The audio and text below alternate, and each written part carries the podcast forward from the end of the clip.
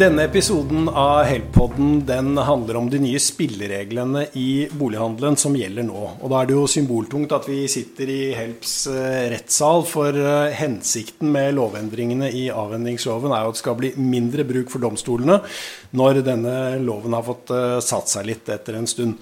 Med meg for å fortelle mer om eh, lovendringene, så har jeg Silje Andresen i Norges Eiendomsmeglerforbund, eh, Karsten Pil i Huseierne og Blerande Taki, fagsjef eh, for boligkjøpforsikring i Help. Selv heter jeg Dag Are Børresen.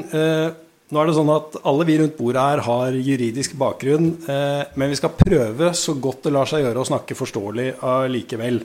I kraft av lovendringene så motiverer selger til egentlig å opplyse om eh, alt hun eller eh, han vet, og da skal kjøperne få et bedre beslutningsgrunnlag. Men Karsten, det er ikke til å legge skjul på at det var mange motstandere i sin tid av at loven skulle endres også. Hvorfor var det nødvendig?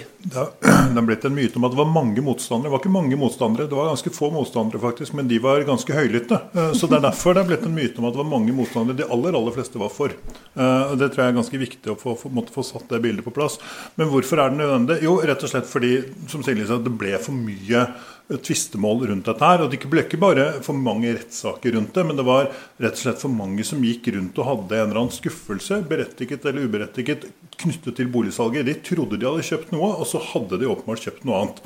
Eh, og det er klart Hvis du får bedre dokumentasjon og tydeligere forklaring og en enklere måte, fremstilling av hva er problemet og hvor mye kommer det til å koste å fikse det, ja da har du mye større forutsetninger når du kjøper. Så, ok, jeg kjøper denne boligen, jeg vet at badet er litt dårlig, jeg må bytte det i år eller neste år. Greit nok, det er jeg med på.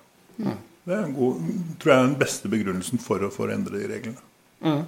Det er altså fra nå. Uh, boliger som selges nå, de kan ikke selges som de er, er sist, til uh, forbrukerkjøpere. Det er én viktig lovendring. En annen uh, viktig endring Beranda, er at vi får en egenandel. Ja. Hvordan fungerer den? Det er jo knytta noe misforståelse til denne egenandelen. Den egenandelen, eller kall det heller egenrisiko, som er mye bedre ord, mener jeg, mm. den kommer først på tale når man har fått konstatert en mangel ved boligen. Så har man fått konstatert en mangel, og så snakker man om et oppgjør etterpå. Da skal det trekkes fra 10 000 kroner fra det oppgjøret, som da blir kjøpers egenrisiko. Så den, eh, når jeg sier at det er knyttet noe misforståelse til den, så er det fordi eh, noen tror at så lenge eh, avvikene som er avdekket, koster over 10 000 kroner utbedre, så utgjør det en mangel. Og det er feil. Så eh, kun, altså denne egenandelen har kun eh, betydning for oppgjøret som skal foretas etter at det først har konstatert mangel.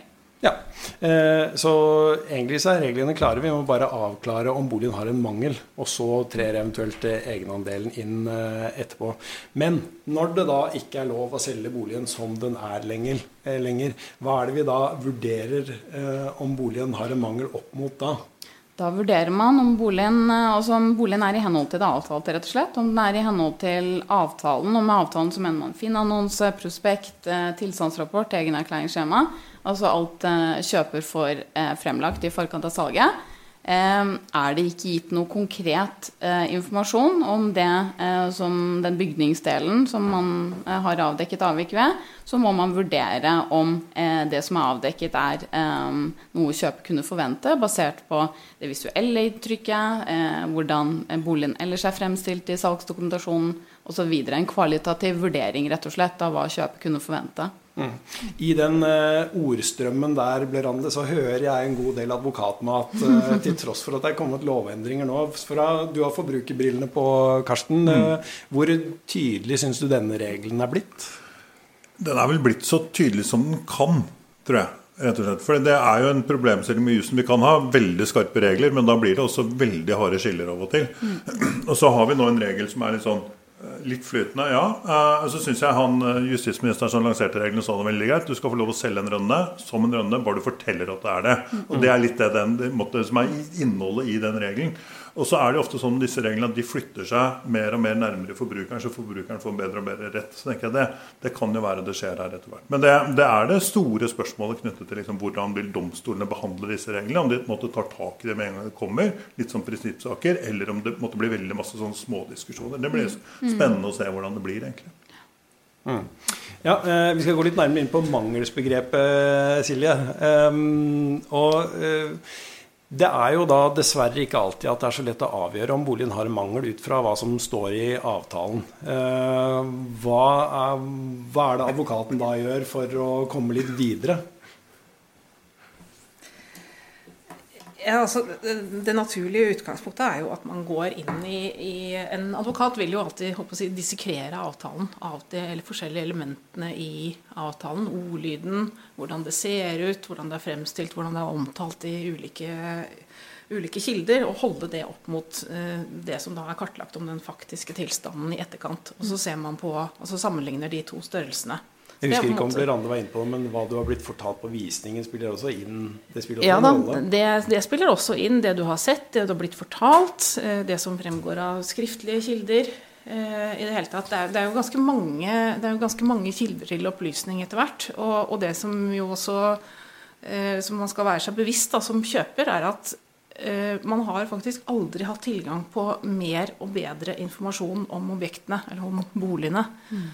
enn det som man har nå. Og det har vært en positiv utvikling over mange år, hvor, hvor man fra si, 10-20 år tilbake så var det stort sett bare veldig enkle eh, verditakster, og så har man fått boligsalgsrapporter som har utviklet seg, og så har man nå fått den nye standarden som har løftet det enda et knepp opp. Og det er jo nettopp fordi at man skal få mer på bordet. Man skal få fram mer om den reelle situasjonen. Eh, beskrive det. Og da blir det også mindre rom for disse av, avvikene mellom det som da er eh, den faktiske tilstanden, og eh, avtalen. Altså potensialet for avvik krymper jo mer og bedre informasjon man får. Og det er kjempebra. Eh, og de som er på boligjakt, de må jo være seg bevisst hvilken verdi som faktisk ligger i den eh, dokumentasjonen som de blir tilbudt. Det kan være mye. Det kan oppleves eh, som en jobb å sette seg inn i alt. Men det er også din største handel, sannsynligvis. Og, og de timene som det tar å sette seg grundig inn i det, det er det definitivt verdt. Mm. Så rådet har jo i all tid vært les alt, alltid. Eh, og det gjelder jo enda mer nå enn noen gang. Og velger man å ikke gjøre det, og forholde seg passiv til all informasjonen man får fremlagt, så tar man som kjøper en veldig veldig stor eh, risiko og handler i blinde når man har et alternativ og faktisk har mulighet for å sette seg inn i hva det er man i tilfelle eh, kjøper. Mm. Og, og dette, disse dokumentene det er jo det som blir avtalen.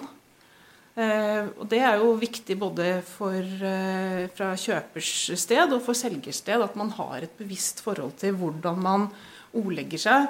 At man anstrenger seg for å få frem all informasjon. At det er samsvar mellom det som er omtalt i det ene, andre og tredje dokumentet. Og at man heller ikke sier noe muntlig på visning som, som, er, som man ikke kan stå for, rett og slett. Eller mm. som, eh, som bidrar til å forkludre bildet. Alt dette her vil jo inngå i, i avtaletolkningen, så det er veldig viktig at man er eh, nøyaktig, redelig og skikkelig.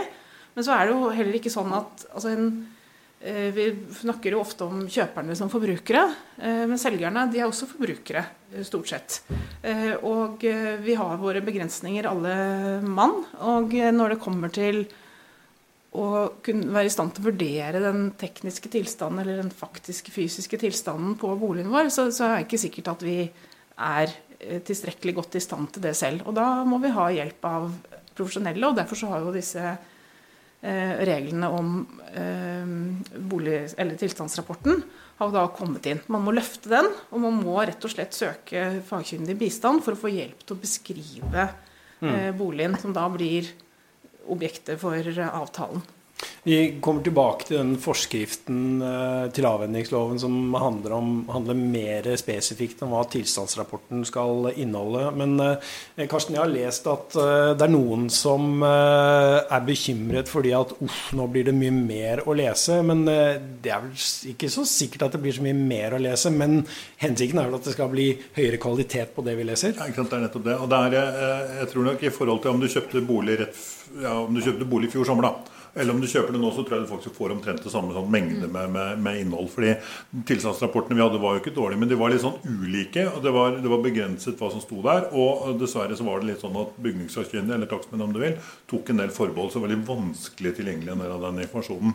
Men det er jo som vi, vi pleier å si oss også, er at det er de kjedelige tingene du skal se på. ikke sant? Det er de, det er de tingene uten bilder. Eh, det er tilstandsrapporten, det er egenerklæringsskjema og det er eiendomsmeglerens beskrivelse, ikke bildene.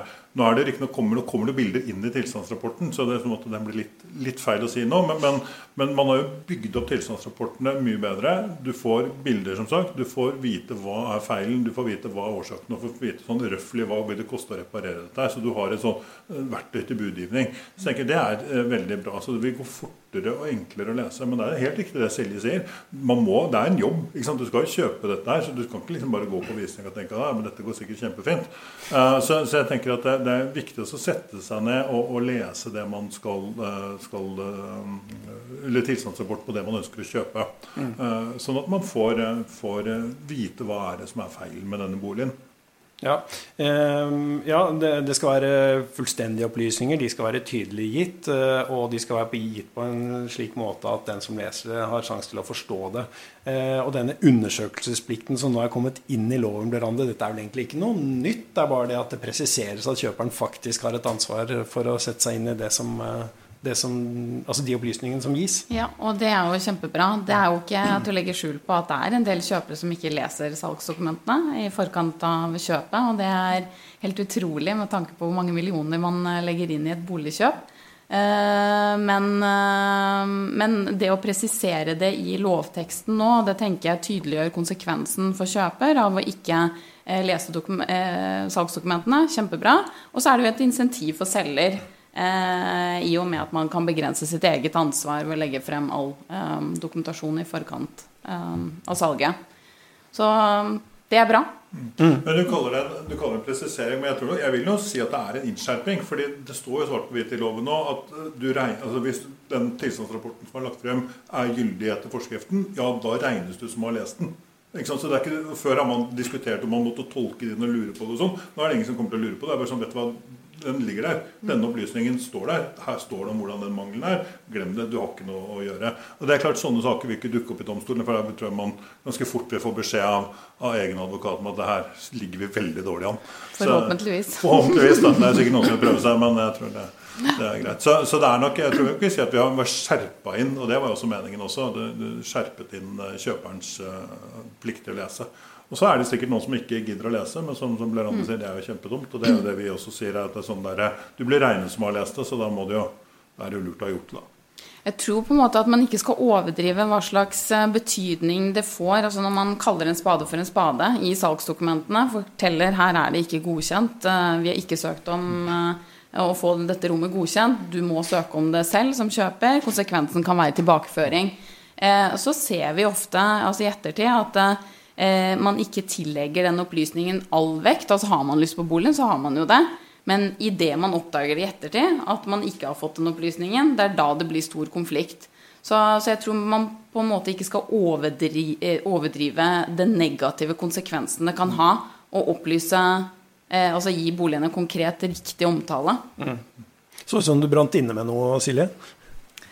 Um, ja, det var en ting jeg tenkte på. og det, er, altså det har jo vært et tema egentlig over ganske mange år. og For noen år tilbake så hadde jo også Forbrukerrådet en undersøkelse som, som litt, hadde litt stygge tall på at det var et, en ganske stor andel som ikke leste alt ved siste boligkjøp. og det og det, det, er jo noe som Ja, Det var halvparten? Ja, det var tett oppimot halvparten. Og det var jo noe som sjokkerte oss som, som har drevet mye med, med boligsaker.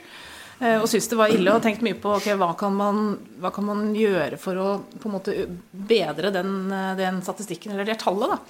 Men, eh, og det kan man spekulere i, men jeg tror jo en viktig, en, en viktig ting som forhåpentligvis nå skjer, er at når disse eh, tilstandsrapportene de får en fastere form, det er klart definert hva som skal undersøkes, hvordan det skal undersøkes.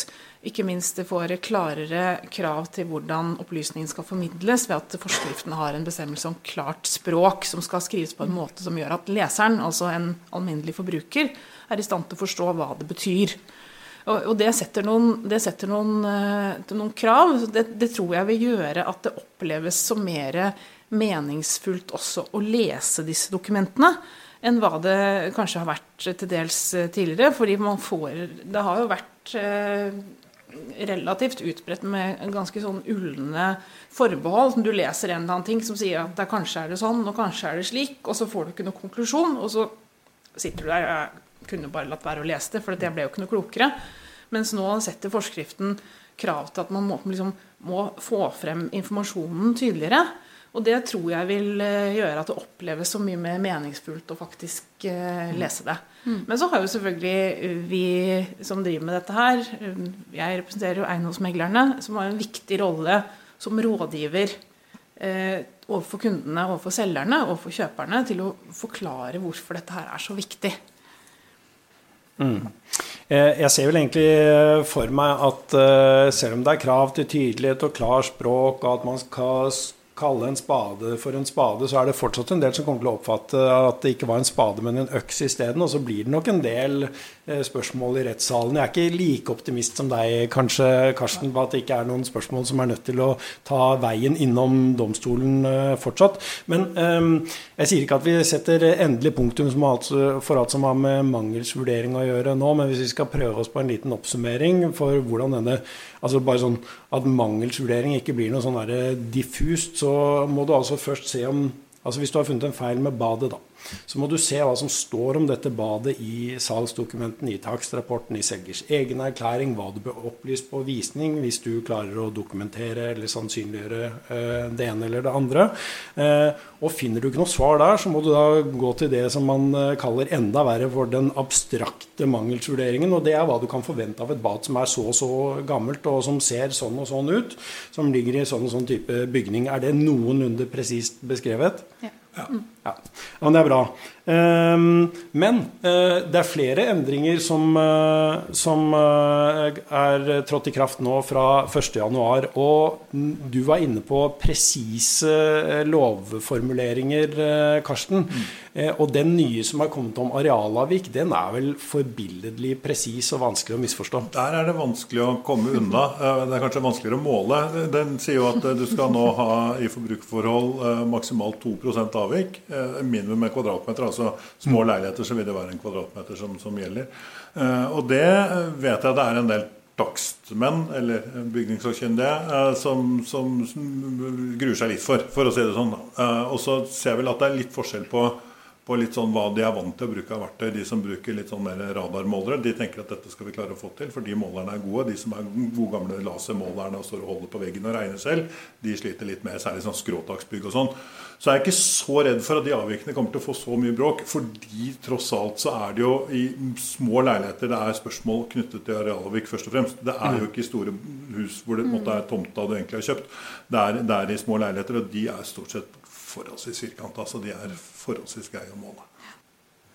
Hvis vi da er enige om at eh, det er et eh, arealavvik ved boligen, eh, er vi da enige om hva man skal få som kompensasjon for det arealavviket, Silje? Ja, da, da, er det de gamle generelle reglene om utmåling av prisavslag i jamningsloven som gjelder eh, som før. Så da, da, skal man ta Eh, gjøre en vurdering av hva som var verdien av denne boligen, henholdsvis eh, med riktig areal og med uriktig opplyst feil areal, og se på, se på den differansen, som da blir retningsgivende for utmåling av det prisavslaget. Mm.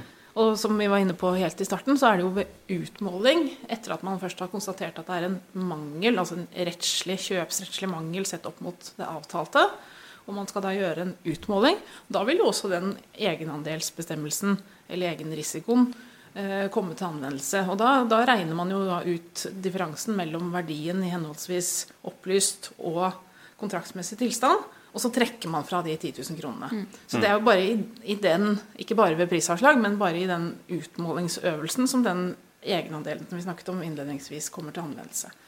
Men eh, det er jo altså de generelle utmålingsreglene som gjelder. Og det er jo egentlig en sånn Man snakker om endringer Vi snakker mye om endringene. Men en ting som jeg er veldig opptatt av at vi skal også snakke om og være bevisst, er at eh, ja, det er endringer, men man, bygger på eh, den eh, opprinnelige rettstilstanden og det som hele tiden har vært hovedregelen i både avningsloven og tidligere ulovfestet norsk rett på dette området, nemlig at man tar utgangspunkt i avtalen. Og det utgangspunktet ligger fast. Eh, og det tror jeg også at eh, domstolene, når de får saker da, eh, som skal avgjøres etter endret avningslov, så kommer de til å finne ganske mye i gammel rettspraksis og andre eldre rettskilder som fortsatt er relevant for vurderingen av de nye sakene. Så det er ikke sånn at vi nå starter helt på scratch og alt er oppe, til, oppe i spill. Heldigvis. Så, så, vi har egentlig bare skrelt bort eh, noen sånne særegenheter i loven og gått litt sånn egentlig back to basics, eh, tenker jeg at vi gjør. Mm. Og, og, avtalen er jo det store stikkordet. Hva er det som er avtalt? Ja. Det må man forholde seg til som kjøper. Sette seg grundig inn i hva du får presentert, og tilsvarende viktig for selger at man er nøye på at man får frem all informasjon. Fordi man selv har risikoen dersom det ikke er dekkende eller at det er feil, det man Eh, skulle opplyse. Mm. Ja. Men, det, men, det, er jo viktig hvis jeg får lov å følge opp. for det det er helt riktig sånn juridisk at det er avtalen, men i boligsalg så er det litt spesielt. For den avtalen er jo ikke, det er jo egentlig ikke den kontrakten man skriver under på kjøp og salg som er liksom avtalen. Altså, det er jo avtalen, men det er jo egentlig det vi snakker om, er jo all grunnlagsdokumentasjonen som ja. vi har nevnt noen ganger, som er, er, det som er det viktige. Mm. Det er ikke sant, det du får fra eiendomsmegleren, det er det du får fra takstmannen og det du får fra selgeren. Og så eventuelt det forbeholdet i budet. Det er jo det som blir avtalen, og som senere skrives ned i kontrakten. Mm. Men det er jo også viktig, for i Norge så er det jo, det er jo budaksepten som liksom Da er avtalen inngått. Det er ikke senere når man skriver under. Sånn som det f.eks. er i Sverige i dag. Der er det først når du skriver under at avtalen er inngått. Mm. Så det er viktig at man har med seg det. Da, så det er liksom man ikke går og begynner skal lete opp kontrakten, for der står ikke så mye av dette. For det er henvist tilbake til, til dokumentasjonen. Ja, men det ligger også vedlegg i kontrakten? Jo, jo, selvfølgelig. Det, det, jo. Så, det... Men det er liksom ikke, det er, ikke, det, er, det, er, det, er, er dokumentasjonen som er viktig. Så man kan ikke begynne å mm. avtale noe annet etterpå hvis man egentlig har, har hatt uh, budrunde. Men da tenker jeg, før vi går videre, så eh, enten du som ser på driver med bolighandel uh, som yrke, eller uh, du ikke gjør det, så kan man kanskje få inntrykk av at off, med disse nye endringene så blir alt mye mer komplisert. Men da er det viktig å huske på det Silje akkurat var inne på, at endringene er egentlig ikke så store. På mange områder så er dette en videreføring av det vi hadde før. Eh, og så er det også veldig viktig å holde fast på at hensikten med disse endringene er å skape en tryggere bolighandel, eh, tross alt ved å gi kjøperen et bedre beslutningsgrunnlag, eh, fordi at selgerne har fått en motivasjon til å fortelle det de vet.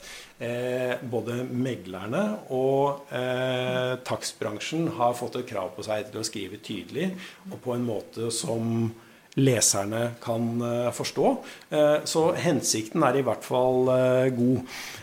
Men apropos takstmennene, Berande. Der er det jo kommet en helt egen forskrift til avhendingsloven som gjelder tilstandsrapportene. Mm. Og det knytter vi store forventninger til. Ja, det gjør vi. Vi har jo savnet et klart mandat til takstmannen, og det er jo det takstmannen, eller den bygningssakkyndige, heter det, Eh, nå har fått. Man har fått et klart mandat som er regulert i, en forskrift. Eh, der, eh, den forskriften inneholder bestemmelser til klart språk, altså hvordan informasjon skal formidles. hvilke bygningsdeler som skal undersøkes, hvordan de skal undersøkes. Og det mener jeg er kjempefint. Det vi altfor ofte dessverre har sett i Help, det er at man har, altså flere kjøpere har kjøpt en bolig Eh, hvor takstmann f.eks. har tatt forbehold om at man ikke har vært på taket eller på loft undersøkt under taket. Eh, og så har man ikke skrevet noe annet enn kanskje tilstandsgrad 2 pga. alderen på taket. Eh, og så har kjøper overtatt boligen, eh, og kort tid etter overtakelse så oppdager man stor vannlekkasje fra det taket. Det er kanskje eh, en lekkasje eller et avvik man kunne avdekket i forkant, hadde takstmann bare foretatt en grundigere, en faktisk vurdering av taket. Så nå, nå, stiller forskriften krav til at man skal vurdere de ulike bygningsdelene, og det mener jeg eh, vil føre til at man får bukt med mange av de sakene man avdekker kort tid etter overtakelse. Mm. En ting jeg har bitt meg merke i, som jeg vet at en del andre har, uh, har, merket seg også, er at nå er det kommet et krav til å bore hull i vegger. Ja. Eh, og da tror jeg det er en del selgere som akkurat har pussa opp eh, for å selge, som gruer seg til at boligen skal bli en sil før de selger, og at de føler at det kommer til å gå utover salgssummen de oppnår. Men det er ikke så ille. Det er en krisemaksimering i så fall. For det, det, er eh, to steder du gjerne skal bore hull, og det er i tilstøtende rom, altså der det er bad. Mm. Eh, enten underfra eller eh, på siden, hvis det lar seg gjøre. Og i kjellere under, kjeller under terreng, i utlektede vegger. Og hensikten er jo nettopp å se altså, hvordan vurdere tilstanden på det, den bygningsdelen. og igjen, jeg tror at vi får bukt med mange av disse dreneringssakene eller taklekkasjesakene Eh, som kjøper og avdekker kort tid etter overtakelse ved å gjøre disse undersøkelsene. Mm. Så det, det, det, Man snakker om at det er litt sånn urimelig for den selgeren som skal få, altså skal få et lite hull eh, i, i, forkant av salg, og den selgeren som skal med, ut med mer informasjon og få en dårligere pris osv. Jeg ser ikke på det på den måten. Eh, nå skal den som kjenner eiendommen best, Eh, og som har best forutsetninger for å si noe om den eiendommen, legge frem mer informasjon, og det er det som er rimelig. Ikke legge ansvaret over på den kjøperen som ikke har noen forutsetninger for å kjenne til den eiendommen, utover det som man får seg forelagt av informasjon, da. Ja, og det er nettopp konsekvensen av at det ikke lenger er lov til å selge boligen som den er. ikke sant? Ja. Ja. Og så, så, er det noen som har bitt seg merke at hullet skal være 73, diameter, mm i diameter og lurer på hvorfor det.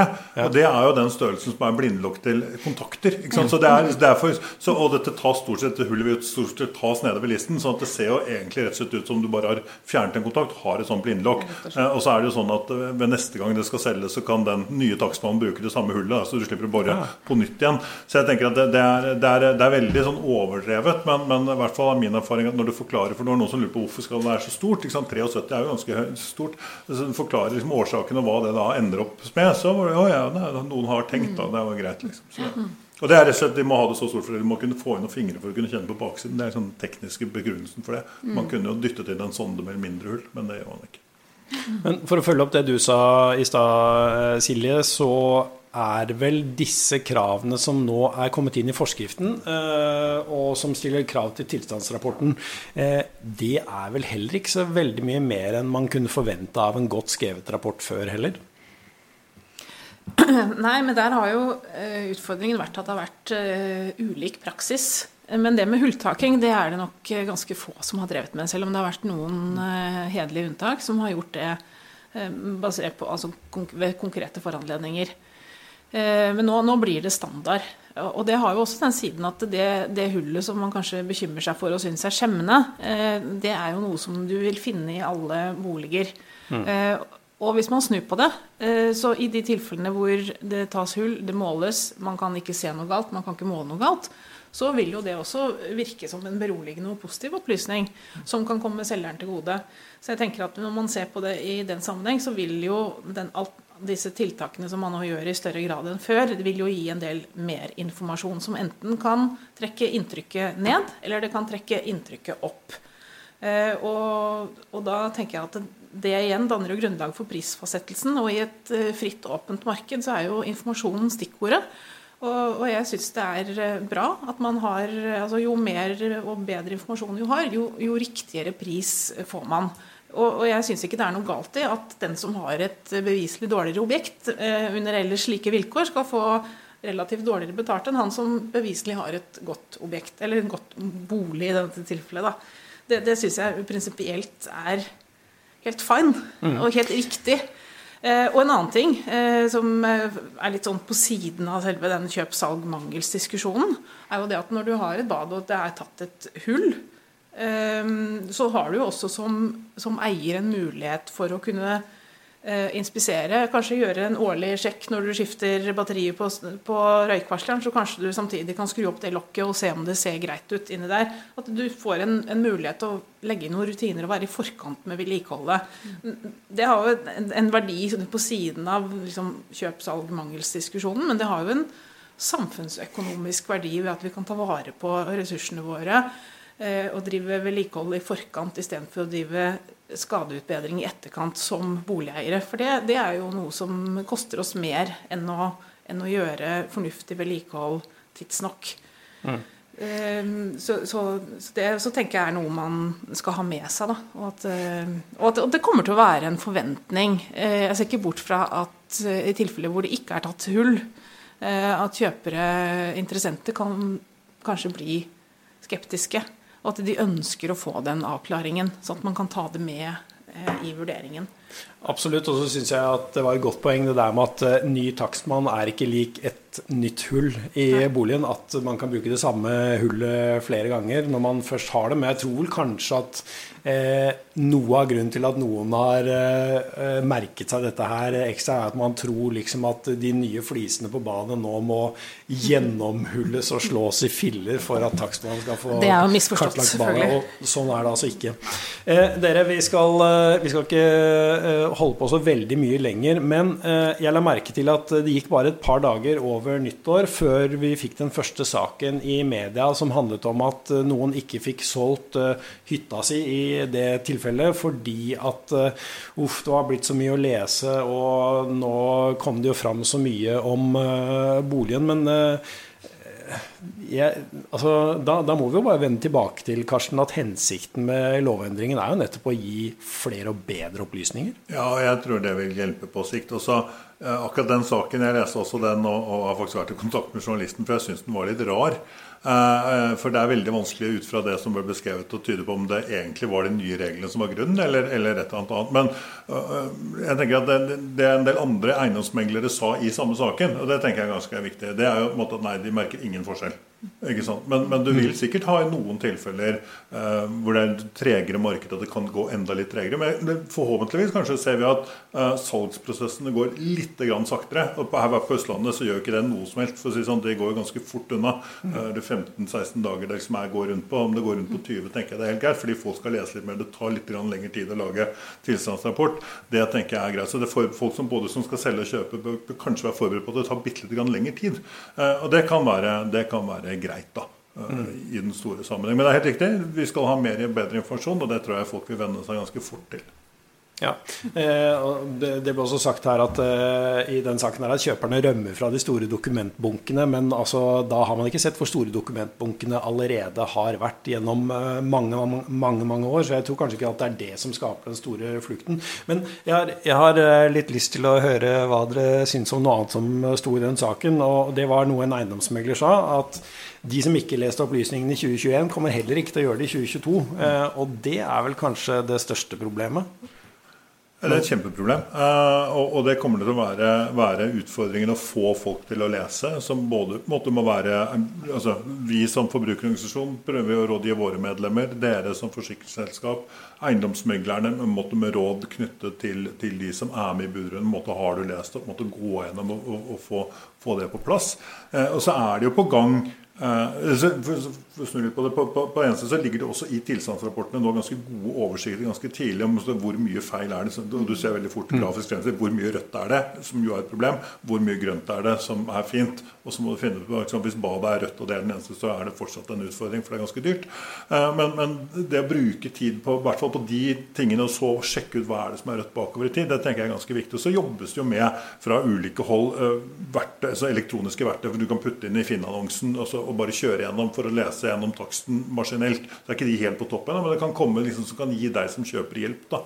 Uh, men jeg tror nok det der opplæring om at dette er viktig for folk om å, å lese dokumentasjonen, det er viktig. Og, og, det kommer jo til på et eller annet tidspunkt å komme noen rettssaker hvor noen ikke har lest, men kommer til å få, bli dømt på at vet hva det skulle du ha gjort, og vi dømmer deg som at du hadde lest den. Og Det er klart det, det vil være uh, hardt for den det gjelder, men, men helt riktig ut fra loven.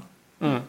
Eh, til slutt dere, så, så, føler jeg at vi skylder eh, de som ser på, å si litt mer eh, om, eh, om hva som kan føre til konflikt her. fordi at eh, Det er ikke bare vi som sitter rundt bordet her som har sagt at ja, i en overgangsperiode så kan det nok bli flere saker. Men så er da håpet og troen eh, til til alle de som har vært pådrivere for lovendringene, at konfliktnivået skal gå ned, og at det skal bli eh, en, en, tryggere bolighandel for alle.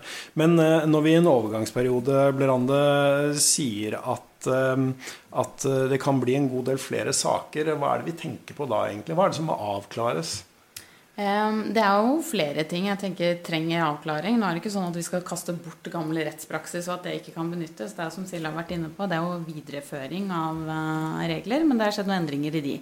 Eh, de endringene krever jo litt ny rettspraksis. Vi fjerner nå eller, ASIS, muligheten til å ha SIS-forbehold. Denne vesentlighetsterskelen som mange kjenner til, den er borte. Nå skal vi foreta en abstrakt mangelsvurdering hvis ikke avtalen sier noe konkret. Og hvor ligger terskelen der? Den terskelen den tror jeg vi må teste litt i rettspraksis. Er det tilstrekkelig med opplysninger, eller er det ikke det? Eh, nå som man ikke har lov til å ta generelle forbehold, så vil jo kanskje noen ta litt spesifiserte forbehold. Eh, og så blir spørsmålet kunne man ta det spesifiserte forbeholdet, eller kunne man ikke det? Er det begrunnet i noe konkret? Er det ikke det? Der tror jeg vi får noen eh, saker. Eh, jeg tror også jeg har diskutert med enkelte kollegaer eh, om betydningen av ikke godkjente tilstandsrapporter. Eh, for det står jo direkte i den nye forskriften at eh, den anses som godkjent hvis den er i henhold til den forskriften. Men hva da, hvis den ikke er i henhold til den forskriften? Eh, jeg skal ikke gå inn på hva forarbeidene sier, men de omtaler ikke veldig, veldig mye. Så konsekvensen rett og slett av en rapport som ikke godkjenner forskriften, det tror jeg vi nok må eh, ha noen saker på i i retten. Mm. Eh, jo, eh, og det er bra du nevner, fordi at eh, det er én ting som kanskje noen har stusset ved, og det er at det er ikke noe krav til at man har noen tilstandsrapport heller. Nei, det er ikke det. det og det er jo for så vidt fritt valg for den som skal selge. Og så tenker jeg at du er jo bra dum hvis du ikke tar en for å si det rett ut, en, en tilstandsrapport når du skal selge. For det gir deg måtte, for først mye bedre dokumentasjon. Og for det andre så setter du kjøperen hva skal man si, ja, Sjakkmatt er kanskje feil uttrykk, men du, i hvert fall, du legger no, en del sånn, uh, vilkår knyttet til kjøperen og hva kjøperen skal gjøre.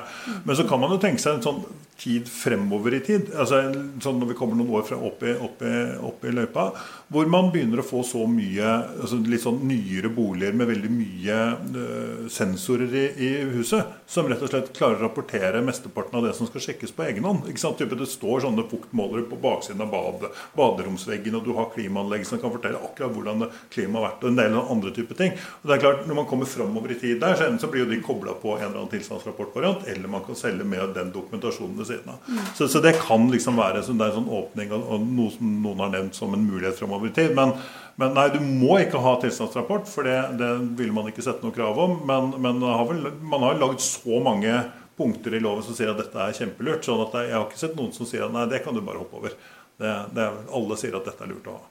Um, du skal få kommentere du også, Silje, men jeg, jeg ser jo for meg at uh, i, i, tillegg til at det er en del sånne terskelavklaringer, hva er mangel og osv., så, videre, så så ser jeg kanskje behov for at uh, vi kommer til å Siden det er kommet et, uh, et krav til klarspråk, da, at vi må kalle inn en del norsklærere kanskje som, uh, som vitner i en del saker, fordi at det blir en del diskusjoner, altså ikke, kanskje ikke mindre diskusjoner enn før en gang, om betydningen av hva som står der. Er det, står det at det er en spade her, eller er det en øks, eller er det et piano, eller er det noe annet?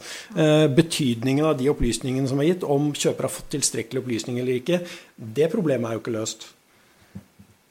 Nei da, det, det, har du rett i. Og, og, det er nok en, eh, og det er en øvelse. Og det, er, det, gjelder jo sikkert mange av oss som kan eh, som, som, har potensial til å bli bedre på hvis vi anstrenger oss litt og, og tenker gjennom hva man sier. Og, og, det har jo vært en del sånne Jeg kaller det ofte for stammespråk, som eh, både takstmenn og meglere og andre profesjoner også strør om seg med kanskje litt sånn ukritisk og uten at man egentlig tenker på det. Og ord og vendinger som bare brukes. Og at nå blir det mer fokus på det. Og det vil jo også gjøre at det blir større tema, og kanskje at man plugger inn litt mer og, tenker seg litt grundigere om. Mm. Uh, og i hvert fall uh, det som vi ofte sier til våre medlemmer eiendomsmeglerne altså skal, Det er jo noen ganger man skal forklare og formidle noe som kanskje kan være både teknisk eller juridisk uh, komplisert. Eh, og da må man rett og slett eh, jobbe litt med, jobbe litt med teksten, være sikker på at man får frem, får frem tydelig. Eh, kanskje det er behov for å, å, teste det på en kollega, men kanskje vel så relevant å teste det på en, en alminnelig person. Jeg pleier å si teste på moren din og se hva hun leser ut av det. Og Det er en øvelse som jeg tror kan være nyttig både for eiendomsmeglere og for de bygningssakkyndige. Og ikke minst også for selgere, f.eks. når man fyller ut egenerklæringsskjemaet sitt. Mm. At man er bevisst på hvilke ord man bruker. Hva er det det ordet betyr? Betyr oppussing noe annet enn rehabilitering? Ikke sant? Altså at man rett og slett passer på at man ikke tar, eh, tar munnen sin eh, for full, og at det man sier, det er det man faktisk eh, mener, og på annen side det som da leseren har en god grunn til å forstå ut fra det. Så, så, med de nye reglene så tror jeg det blir mer fokus på det, og at man får, en, får det høyere opp på agendaen, rett og slett. At vi blir litt mer skjerpet istedenfor at vi liksom strør oss om, om oss med litt sånn ulne begrep. Fordi de ulne begrepene de de får jo ikke noen virkning lenger når man ikke kan eh, fraskrive seg ansvar på generelt grunnlag. Da er man nødt til å liksom ta i bruk en annen del av ordboka, som er de konkrete uttrykkene. Og da er det selvfølgelig helt essensielt at man klarer å, å plukke ut de, de, riktige begrepene på riktig sted. Her skal vi kanskje gi litt skryt til, til takstbransjen, som faktisk har tatt dette ganske på alvor. Den, den klarspråkregelen tar vi huseierne helt skylda for selv, for den, den sto aldri i forskriften da den kom fra departementet, så vi kjempa den inn. Eh, så, og, og, det tror vi er kjempeviktig. Men, men takstbransjen har jo brukt ganske mye tid på å lage en del sånn ferdigskrevne eh, begreper og, og, og, passuser som kan puttes inn på de riktige stedene. Så er det om å gjøre at takstmannen, bygningssakkyndig, putter det inn riktig sted, men, men det er i hvert fall gjort en god del jobb. da. Og det tenker jeg det, det er jo bra at de har tatt, tatt, det såpass på alvor. Så det er ikke bare opp til den enkelte som kanskje ikke har, har eh, norskkarakter som er liksom på professornivå, men de har fått hjelp av, av folk som både liksom kan takst og som kan språk, til å skrive det sammen. Og så er det vi andre, selgerne, som skal beskrive i egenerklæringsskjema, som må få hjelp så vi forteller riktig. For det er forskjell på oppussing og rehabilitering, bare for å slå fast det. Mm. Og, så, og, så, er det jo eiendomsmeglerne og, og andre som skriver. Så jeg tenker at det er jo det, det er, det er, et bra anslag, og så må vi klare å jobbe og oppfølge det. Mm. Det som er fint, da, det er jo at det i forskriften også er gitt uh, en bestemmelse om at uh, man skal beskrive konsekvensen av et avvik man avdekker. Uh, og det har vi sett litt har vært problematisk opp gjennom årene, hvor man har fått en tilstandsrapport hvor det kanskje står NB, sluk ikke skiftet, i forbindelse med oppussing av bad. og for oss som holder på med dette til vanlig, så vet vi hva det innebærer, men ikke for den gjengse kjøper som ikke Eh, er bygningskyndig. Eh, men nå må man forklare hva den NB sluk ikke skiftet betyr. Eh, og det, det tror jeg er en viktig presisering altså, i forskriften. Mm.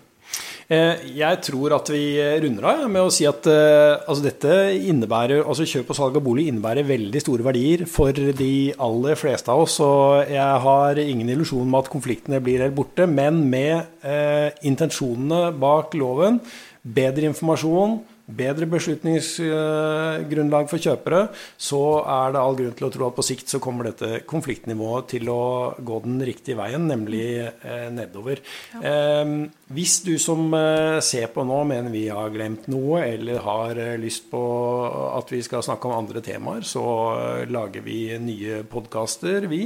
Eh, og jeg benytter anledningen til å takke Silje Andresen i Norges Eiendomsmeglerforbund, Karsten Pil hos Huseierne og blir Grande tak i i Help eh, for at dere var med i denne podkasten fra Help Forsikring. Selv heter jeg Dag Are Børresen og ønsker velkommen tilbake ved en senere anledning.